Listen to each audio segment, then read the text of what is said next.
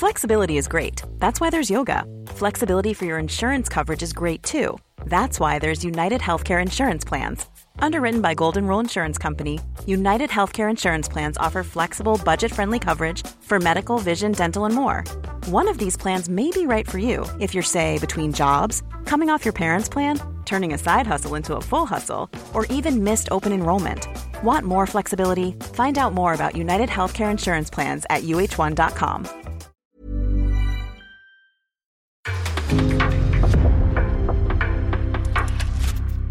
En podcast från Aftonbladet.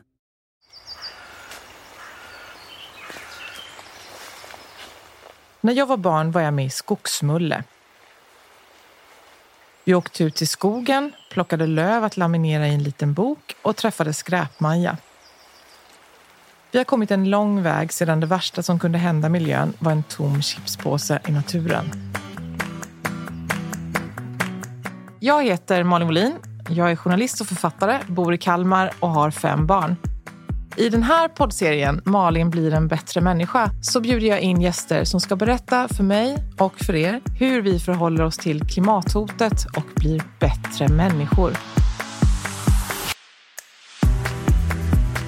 Idag ska jag träffa Anna Ljungström, redaktör på Supermiljöbloggen och fråga henne hur det är att vara ung och engagerad i klimatet, hur hon ser på dieselgubbar och på framtiden. Anna Ljungström, du är ju här idag för att representera framtiden. Hur gammal är du? Jag är 26 år gammal. Ja. Känns det ungt? Ja, det gör det väl i viss mån. Men jag ser ju å andra sidan att det kommer väldigt många nya unga talanger som eh, nästan håller på att putta bort den från den positionen nu. Så jag får väl liksom snabba på här mina år innan 30. Jag vill så bli för gammal för det här epitetet. Hur blev du engagerad i klimatfrågan? Jag har mycket av ett miljöengagemang med mig från barndomen. Eller åtminstone ett naturintresse har alltid funnits där med en pappa som var naturfotograf. Eh, vi har alltid spenderat mycket eh, tid ute i skog och mark i min familj. Och det har alltid funnits någon slags, eh, någon slags medvetenhet om att eh, det inte står helt eh, rätt till med klimatet och miljön. Ehm, men första gången som jag på något sätt omsatte det här i någon slags riktig handling var nog i början på gymnasiet. Och jag hade hört talas om det här med Meat Free Monday som var, som var väldigt stort på tapeten då. Och då i någon slags infall så mejlade jag kommunpolitikerna i min hemkommun Härnösand i Västernorrland. Eh, och bara frågade om man kunde kanske införa det här i alla skolor och så, kommunens verksamheter. Um, och utan att jag själv riktigt förstod det så blev det här då ett medborgarförslag på något sätt. Som mm. sen Eh, fick en del uppmärksamhet och jag fick vara med i radio och lokal-tv. Eh, och sen så gick det här förslaget faktiskt igenom så det blev köttfri eh, skoldag i Härnösands kommun. Jag har aldrig riktigt förstått det här med köttfri skolmatsalsdag eftersom ibland är det ju ärtsoppa och ibland är det grönsakssoppa och ibland är det pannkaka. Alltså, det är ju också köttfri. Vad är just en köttfri dag? Ja men visst, det är ju det man kan tycka. Att det är ju jätteskumt att vi egentligen ska behöva labla de här grejerna. Det kanske är liksom smartare rent strategiskt att bara servera den vegetariska maten till kidsen eh, utan att eh, egentligen säga att nu, nu käkar du ju vego här. Ehm, men jag upplevde i alla fall att om det var då så var det inte lika vanligt att det var just de här alltså ärtsopppannkakedagarna förekom ju. Men eh, det skulle göra betydligt större nytta om man hade, man hade det mer frekvent. Och dessutom också signalera att så, ja, men det, det här också är vanor man kan ta med sig hem. Att, eh, att äta vegetariskt och äta köttfritt. Mm, men de signalerna du pratar om de väcker ju också djuriska drifter i de som ser kött som en rättighet. Ja, oh ja, om det gör. Eh, jag fick nog en del sneda blickar där i skolmatsalen från folk som inte riktigt var, var vana vid detta. Men å andra sidan mycket bra respons också. Det märktes ju verkligen hur, hur sådana här saker då kan göra att då elever eller liksom kompisar till mig som, jag, som aldrig annars, annars åt vegetariskt, hur de då men, plockade åt sig en, en så vegobiff för att det var det som fanns och sen faktiskt ändå tyckte det var gott. Så att eh, jag måste nog ändå säga att det blev, det blev rätt lyckat. Mm, även om jag kan förstå, alltså som du, som du menar här, att det, eh, just maten vi äter är ju väldigt identitetsskapande. Och det är en jätterimlig reaktion att känna, nu kommer någon här med, med pekpinnar om vad jag ska få äta och inte. Men då får man ju komma ihåg att ja, men det, de här personerna kunde, man kunde ju fortfarande äta kött om man ville det alla andra dagar i veckan. Så att påtala det som väldigt stora inskränkningar stämmer liksom inte riktigt heller. Man måste nog ta steget tillbaka och inse att så här, jo, men vi kommer behöva göra livsstilsförändringar. Men det kommer att göra så att man, man kan göra det på sätt som, eh, som ändå lirar med ett gott liv. Och det är ju så intressant tycker jag också, vad är det för typ av kött som de drar en lans för just när det gäller skolmaten eftersom eh, när man tänker på med tanke på vad varje skolportion får kosta så bara utgår jag ifrån att det är så pensionerad ridskoleponny och sånt. Så vad är det för kött de är så rädda för att förlora? Ja men visst, vilken förälder vill ha att kids ska få i sig någon sån här äh, antibiotika pumpad eh, ko från Cypern typ. Det är ju inte heller, det är inte särskilt trevligt. Eh, så om man snackar rent hälsoskäl så, så varför har vi inte bara vegetariska dagar? Det skulle ju eh, många nog må väldigt mycket bättre av rent hälsomässigt. Tror du att man kan sluta vara engagerad i klimatet? Jag tänk, eh, om man tänker då unga människor som har ett engagemang. För mycket som man sysslar med när man är ung går man ju vidare. Så man skaffar nya kompisar, Eh, nya relationer, söker sig till nya jobb, nya intressen. Är klimatfrågan alltid for life? Och är den det för dig? Jag tror att det är svårt när man har fått på sig de här eh, glasögonen och börjat förstå och inse vidden av de här enorma existentiella frågorna det här faktiskt är. Så är det svårt att ta av sig dem sen det är nog någonting som kommer följa en resten av livet. Och för egen del så är jag ju övertygad om att eh, det här är någonting som jag måste vara engagerad i. För mitt eget, eh, för mitt eget välmående så måste jag få känna att jag, att jag åtminstone gör någonting, hur litet det än må vara. Men sen tror jag det kan finnas praktiska svårigheter som gör att folk kanske faller bort lite från sitt engagemang. Att man helt plötsligt blir det väldigt mycket med att, rodda ett vardagsliv med, med jobb eh, och familj och allt vad det kan vara. Det där hänger också mycket ihop med hur stressig liksom, livscykeln är för många nu. Det känns som att om vi hade haft liksom, lite lugnare vardag, om man hade kunnat ta det här steget tillbaka så hade nog många kunnat finna liksom, den här tiden och passionen som man eventuellt hade när man var yngre då, men som helt enkelt har fått stått tillbaka för att man måste lösa de här praktikaliteterna i livet. Det där är så intressant, för, tycker jag. Verkligen det du sa nu. För det, eh, när jag försöker se till mitt eget medelålders, medelklass vardagsliv med familj och barn som jag antar att många känner igen sig i, just att hur många dåliga val man gör just under stress ah, men gud, nu bara köper jag det här. Eller nu, alltså, ja, stressköp och stressval som eh, kunde varit mycket smartare. Eller bara rent av icke-val. Eh, om man hade haft det lite lugnare. Ja men visst, och det är ju så konstigt att man ska liksom förväntas också stå där och lusläsa någon innehållsförteckning och man ska eh, läsa diverse hemsidor och utvärderingar och granskningar bara du ska köpa liksom minsta tandborste typ. Eh, det håller ju inte heller och där har ju politiken ett väldigt stort ansvar. Eh, makt, andra makthavare som företag att faktiskt erbjuda produkter och tjänster som inte är klimatbovar. Eh, det blir ju ofta idag ett, ett stort fokus på att individens fria val, det informerade valet ska vara det som ska lösa vår klimatkris och att vi alla själva ska titta på våra så, klimatkalkyler och hur mycket vi släpper ut. Eh, och det jag menar att det har en viktig poäng också i att det är klart att vi ska ändra våra, eh, vår livsstil. Det är vi liksom tvungna till att göra. Men politiken och makthavarna har väldigt stor del i att göra så att de där valen ska vara liksom självklara. Det ska inte ens behöva vara ett mm. val, enligt mig. Du har skrivit i ETC.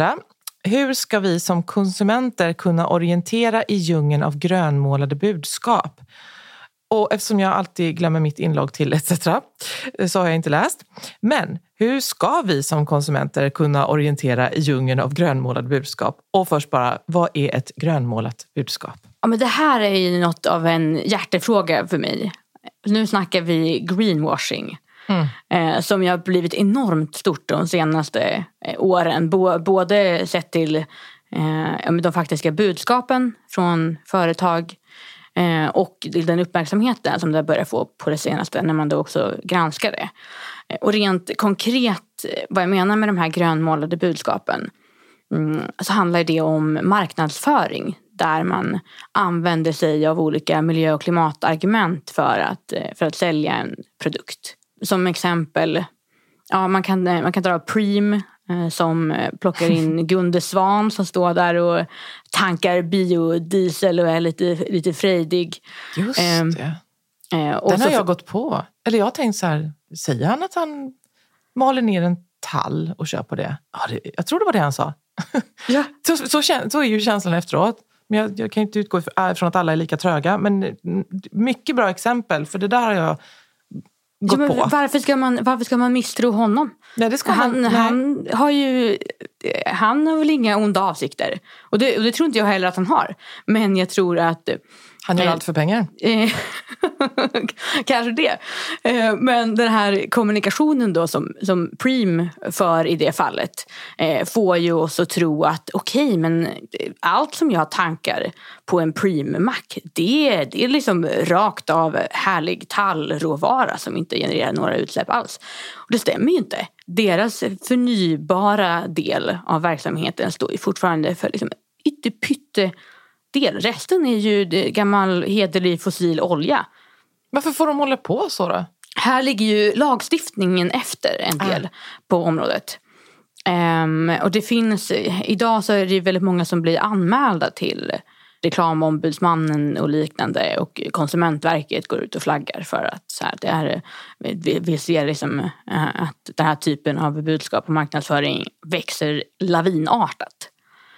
Eh, det har liksom blivit en säljgrej. Men jag, jag, tror att det kommer börja komma ikapp med det där. För det blir ju eh, det blir ju ännu svårare för konsumenterna att syna än vad det kanske var förut när man ändå på något sätt utan den gröna marknadsföringen ändå skulle försöka förstå okej, okay, är det här en, en vettig produkt eller inte? Men nu när företagen dessutom har insett att de faktiskt kan sälja med att påstå att någonting är bättre än vad det är, grönare än vad det är, ja då blir det enormt klurigt för den enskilda individen att förstå vad som är, vad som är bra och inte. Mm. Och innan har det varit väldigt mycket sälj grej med tjej och eh, mycket anmälningar kring, kring sexistisk reklam och eh, måste den här tjejen ligga naken på den här motorhuven?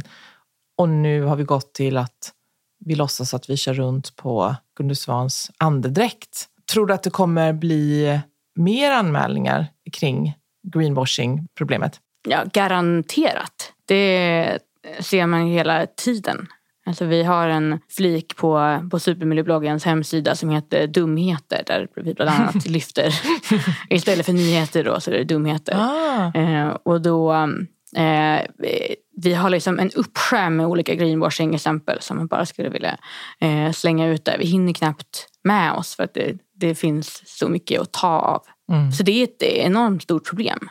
Men apropå in, individens ansvar, många gånger när jag, eller inte många gånger men ibland då när man tycker att man känner sig lite illa behandlad eller blivit lurad eller så som kund. Så jag sa, nu ska de få, nu ska jag gå in och skriva jätteargt på deras Instagram.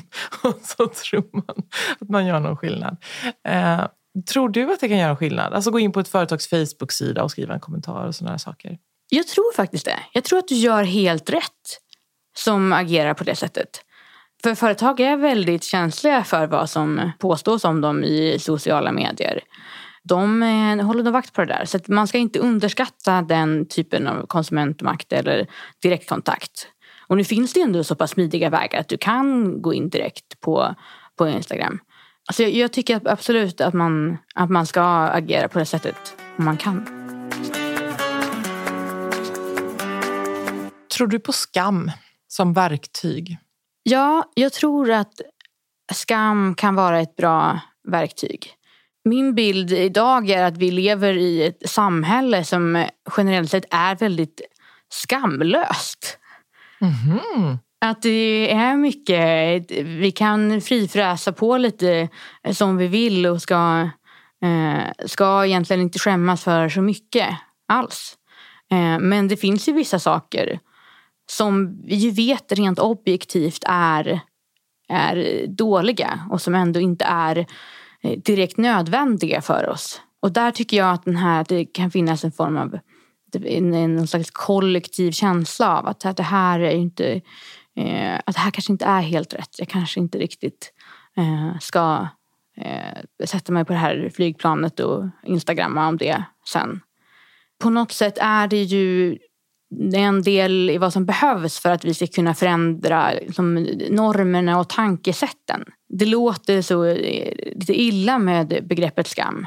Men eh, jag, jag tror att det ändå det gör nytta. Det ser man inte minst bara på hur liksom flygskamsdebatten gjorde att folk faktiskt började flyga väldigt mycket mindre. Det skapade en enorm diskussion. Det hade ju effekt. Och det är ju effekterna vi måste titta på. Eh, sen med all förståelse för att det känns läskigt att man som enskild person ska behöva veta, men gör, gör jag rätt nu och hur funkar det här? Så här. Men det är ju genom att vi, så här, eh, vi kan skapa de här, så här gemensamma eh, värderingarna och bilderna och eh, liksom också förändra vad som är coolt och inte. Mm. Så det, det, finns verkligen det finns studier på att man har eh, man kan se att det mest effektiva sättet för att få människor att sätta upp solpaneler är inte alltid styrmedel på olika sätt, så här, skatter, avdrag och stöd. Utan när grannarna börjar göra det. Mm, just det. Så där vill man ju... Vara först. Ja, man vill, precis. Man vill ju, jag vill inte vara harmapa. Jag vill jo, vara vi, är ju, vi är ju liksom sociala människor. Vi bryr oss ju så mycket om vad andra tycker. Mm. Och om då fler börjar tycka att det är dåligt att äh, eh, käka liksom, äh, biff tre gånger om dagen och flyga tur och tur Thailand två gånger om året. Då är väl det jättebra. Om du eh, som svensk väljer att strunta i den där Thailandsresan tur och tur så sparar du ungefär lika mycket utsläpp som om du hade ätit helt vegetariskt i ett helt år. Känner du någon klimatskam? Absolut. Jag tror att jag är ganska duktig jämfört med vissa andra. Men samtidigt så har jag ju satt så många personer till världen så jag har ju redan förlorat på förhand. Jag gissar att fem barn gör att det inte spelar någon roll. Alltså om jag gick i de kläderna jag sitter i idag tills jag dör så skulle jag ju ändå inte plocka in den förbränningen jag har utsatt jorden för. Ja, det där med barn är ju, är ju intressant. Ja, det men det, hade, det tänkte jag fråga dig om. Är det något vi ska ägna oss åt? Vill du skaffa barn? Ja, jag vill skaffa barn. Eh, och det tycker jag att folk ska fortsätta vilja göra också. Annars känns det som att det blir en ännu tråkigare planet. Eh, om vi helt plötsligt ska inte vänta på att klimatkrisen ska ta koll på oss utan att vi ska ta koll på oss själva genom att inte föröka oss. Men jag tycker att det ibland hamnar lite snett när man pratar om det. För att eh, vissa vill lyfta fram eh, överbefolkning och liksom det här barn, barnskapandet som eh, den stora boven. Ja, det är ju faktum att vi är väldigt många människor på planeten som är extremt resurskrävande. Men problemet ligger ju, inte, ligger ju inte i det egentligen utan det ligger ju i vad det är för system som de här barnen växer upp i. Vad är det för fossilberoende premisser som de kastas in i vi ska ju inte sluta skaffa barn bara för att vi tänker att det här kommer eh, det här är en stor liksom, klimatfälla. Eh, det blir som fel ingångsvärde på det och då skiftar det också fokus från det som är viktigast, det vill säga ändra våra livsstilar, låta politiker och makthavare, låta kolet och oljan stanna kvar i marken där den hör hemma, bygga om till förnybart. Allt sånt där, det är liksom det vi ska foka på. Eh, och inte huruvida någon har ett eller fem barn. Det är ju väldigt privat förstås, men har du gjort någon kalkyl någon, över hur många barn du kan tillåta dig själv att sätta till världen? Jag har nog inte gått in och räknat på det i detaljnivå. Eh, men eh, jag har nog ändå, ändå tänkt att, eh, att två barn känns rimligt. Men det är nog också mycket vad jag hade tänkt på förhand bara för att jag är uppvuxen med med en lillebror och har alltid tänkt att två är ett bra antal. Jag kanske hade behövt omvärdera det om jag ville ha sju barn sedan innan. Och då kanske ändå ur klimatsynpunkt ändå så kanske ja, det är mer realistiskt i det hela. Så kan det nog vara. Och jag vet att jag har haft, jag har haft perioder i livet där jag eh, starkt ifrågasatt om jag har kunnat sätta barn till världen. Då inte av skälet att det skulle vara liksom egoistiskt av mig och att de här barnen skulle bli någon form av klimatskada utan snarare av oro för de här potentiella barnens skull. Vilken värld kommer de växa upp i? Vad, vad är det vi lämnar till dem? Kommer jag som en förälder då kunna mäkta med att ge det här vidare till dem? Och vad är svaret på det då? Svaret är att nej, man kommer nog inte alltid mäkta med det. Men man måste göra det ändå. För det finns liksom ingen annan väg. Och att det också kan väl bli en motivation till att vi nu måste ställa om för att de här generationerna som, som föds nu och även vi, men vi ser ju klimatkrisen pågår ju runt om oss hela tiden men det kommer ju bara bli värre. Eh, så det är ju många föräldrar som beskriver att med sitt nya, liksom, nya barn när de, har, när de har gått över och blivit föräldrar just får någon slags uppvaknande. Att då åker de här klimatbrillorna på för att man helt enkelt börjar tänka i andra tidsperspektiv och bryr sig så himla mycket om sin, sin avkomma. Och då, då är det naturligt att man vill skydda det. Det kan ju också då skapa det här engagemanget som vi behöver så mycket av. Känner du någonsin bitterhet inför att det inte är beslutsfattarna som kommer att vara kvar när allt rasar ihop? Jag försöker undvika att landa i, i, i bitterhet för jag tror inte att det är en så kreativ känsla som kan skapa så mycket handling. Eh, ja, istället för någon slags klimatbitterhet så är det väl klimatilska som ligger närmare till hands. Mm. En enorm frustration är ju rimligt att man känner. Eller det gör jag i alla fall. Och jag kan bli väldigt less på den här debatten eller det liksom narrativet där de här världsledande politikerna står och säger att ja, men, eh, det är så bra att vi har er unga engagerade nu. Det är ni som kommer rädda världen. Ni har det här på era axlar. Ni fixar det. Och så bara, men det är ju ni som behöver göra det här. Vi har ju inte, vi har inte tid att vänta på att det, den här yngre generationen ska växa upp och hamna i de här styrelserummen och förhandlingssalarna. Det är liksom kommande decenniet som det behöver hända enormt stora grejer. Och då är det ju de som sitter på makten nu som behöver göra det.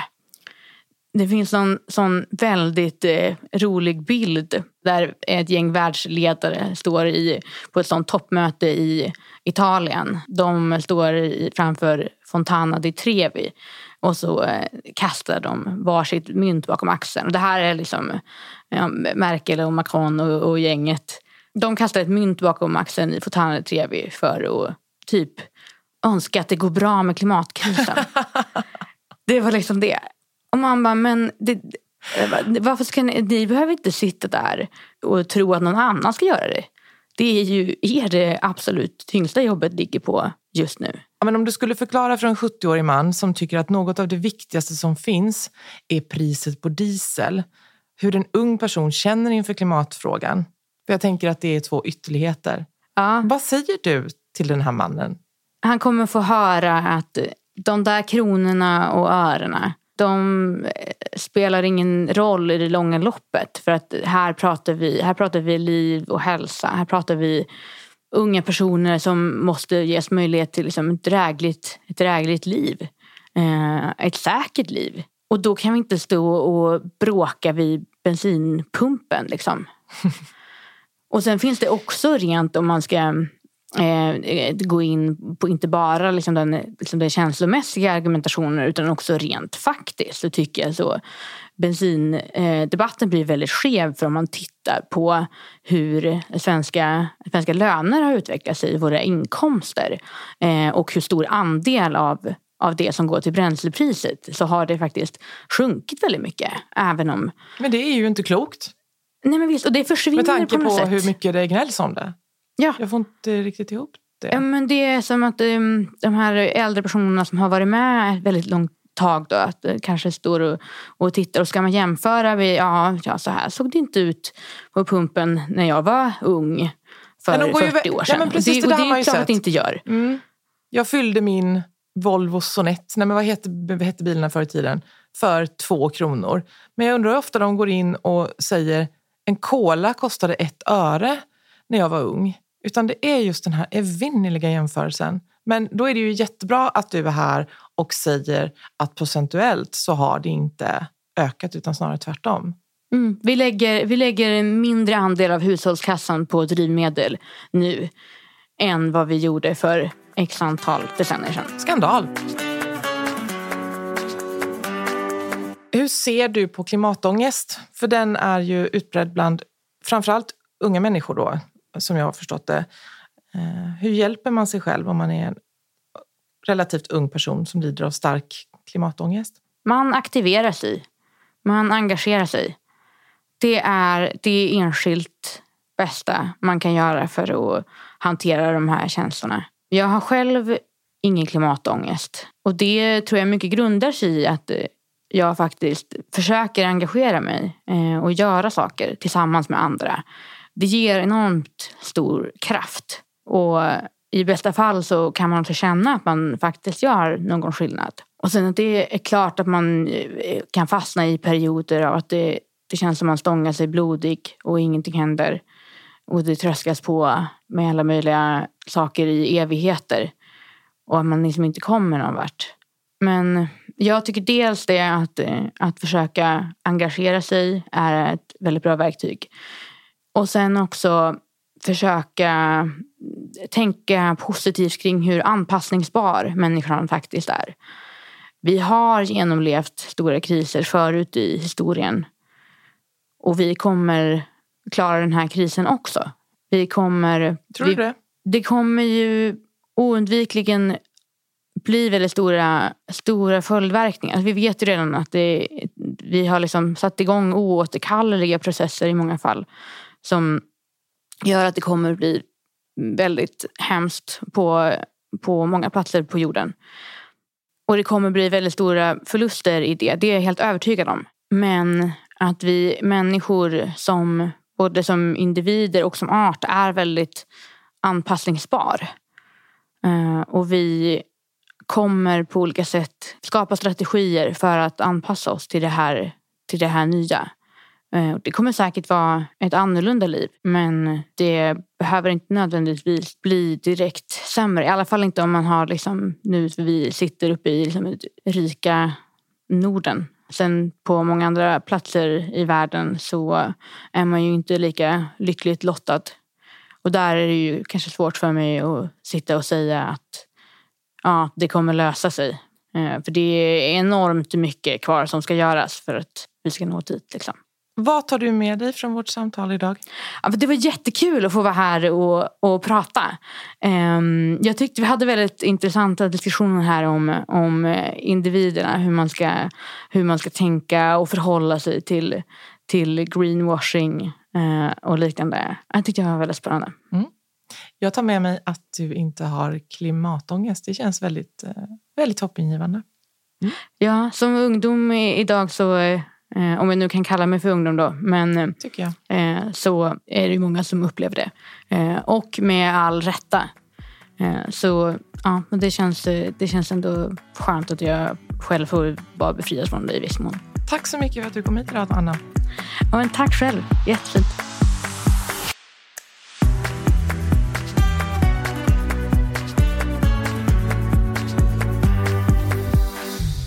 Den här podcasten är gjord av produktionsbolaget Cast för Aftonbladet. Du har lyssnat på en podcast från Aftonbladet. Ansvarig utgivare är Lena K Samuelsson.